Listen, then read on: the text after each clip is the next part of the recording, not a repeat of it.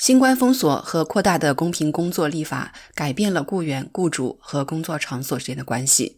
目前，企业试图强迫或吸引员工回到工作场所。专家警告说，灵活的工作安排将继续存在。灵活的工作安排可以有很多含义。人们最常想到的可能是远程工作或在家工作，但也可能是弹性工作时间、压缩时间表、工作共享等更多选择。在我看来，灵活的工作方式只受到我们愿意接受的创造力的限制。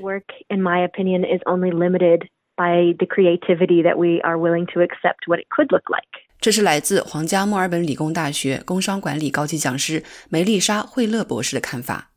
他说：“灵活和混合工作方式的革命在2020年之前就已经开始了，但新冠封锁释放了它的潜力。”他认为，现在不愿意适应的雇主将面临寻求更灵活安排的员工的外流。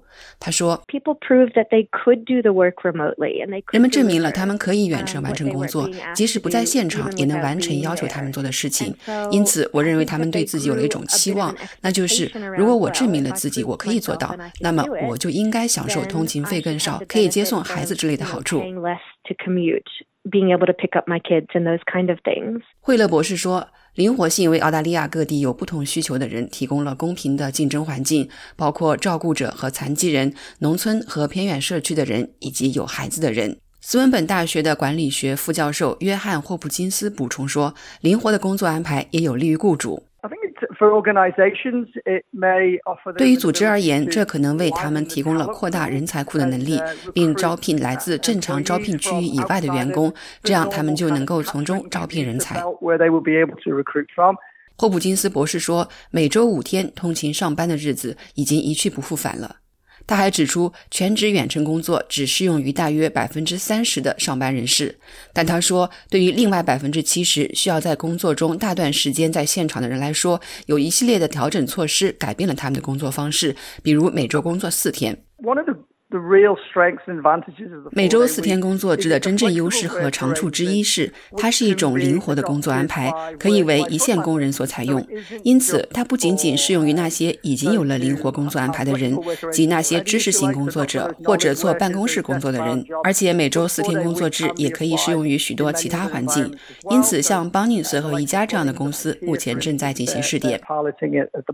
澳大利亚工会理事会的主席米歇尔·奥尼尔说：“早在大流行发生之前，工会就一直在争取提高工作场所的灵活性。他认为二零二三年六月生效的公平工作法的修改，为寻求灵活安排的工人带来了胜利。”他说：“In the past, they only had the right to request it.”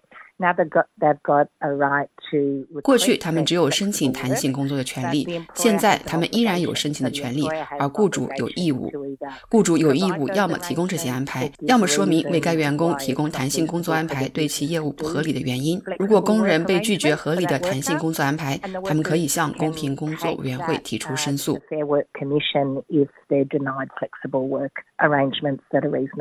澳大利亚工商总会工作场所关系部主任杰西卡·廷斯利担心，扩大后的立法将导致公平工作委员会的诉讼程序成本高昂，这对雇主来说令人生畏。From our perspective, the the key issue is a one size fits all.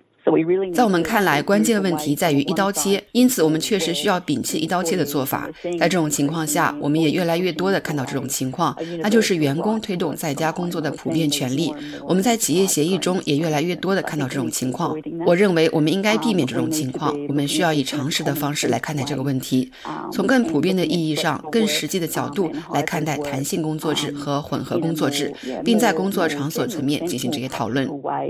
Um, and having these discussions at the workplace levels. 提斯利女士还表示，灵活的工作安排可能会对工作效率产生负面影响。她说：“Things like attending the face-to-face 比如面对面的接受指导、培训和支持，这些都是真正有助于提高工作效率的事情。即使是社交互动这样的事情，也会提高工作效率。特别是在大流行期间，我们看到许多初级专业人士因为别无选择，只能在家工作，而真正失去了工作。但是奥尼尔女士说，虽然立法提供了更大的保护，但并不妨碍人们参与工作。Not just employers that see the value of 不仅仅是雇主看到了与同事建立联系的价值，看到了能够与人合作、与人交往、与人交流想法的价值，这也是工人们思考和希望做的事情。这并不总是冲突的，更多的是如何以公平的方式进行协商的问题。More, it's an issue about how to negotiate this in a way that's fair. 那么，如果工人的需求得不到满足，扩大对工人的保护，真的会导致大批工人外流吗？惠勒博士说。I think we we're still going to see privilege. 我认为我们依然会看到特权在那些能够站起来一走了之的人与那些必须留下来确保自己经济状况良好的人之间发挥作用。Um, financially well off. 但霍普金斯博士乐观地认为，新时代已经到来，而且才刚刚开始。I think since the pandemic. 我认为自大流行发生以来，公司更愿意尝试这些东西，员工也更愿意提出要求，因此这是一个相当令人兴奋的时代。我认为像每周四天工作制、在家办公这样的事情，在未来的一年里，我们会听到很多。本报道来自 SBS 新闻记者露丝·麦克修迪龙，由海燕编播，感谢您的收听。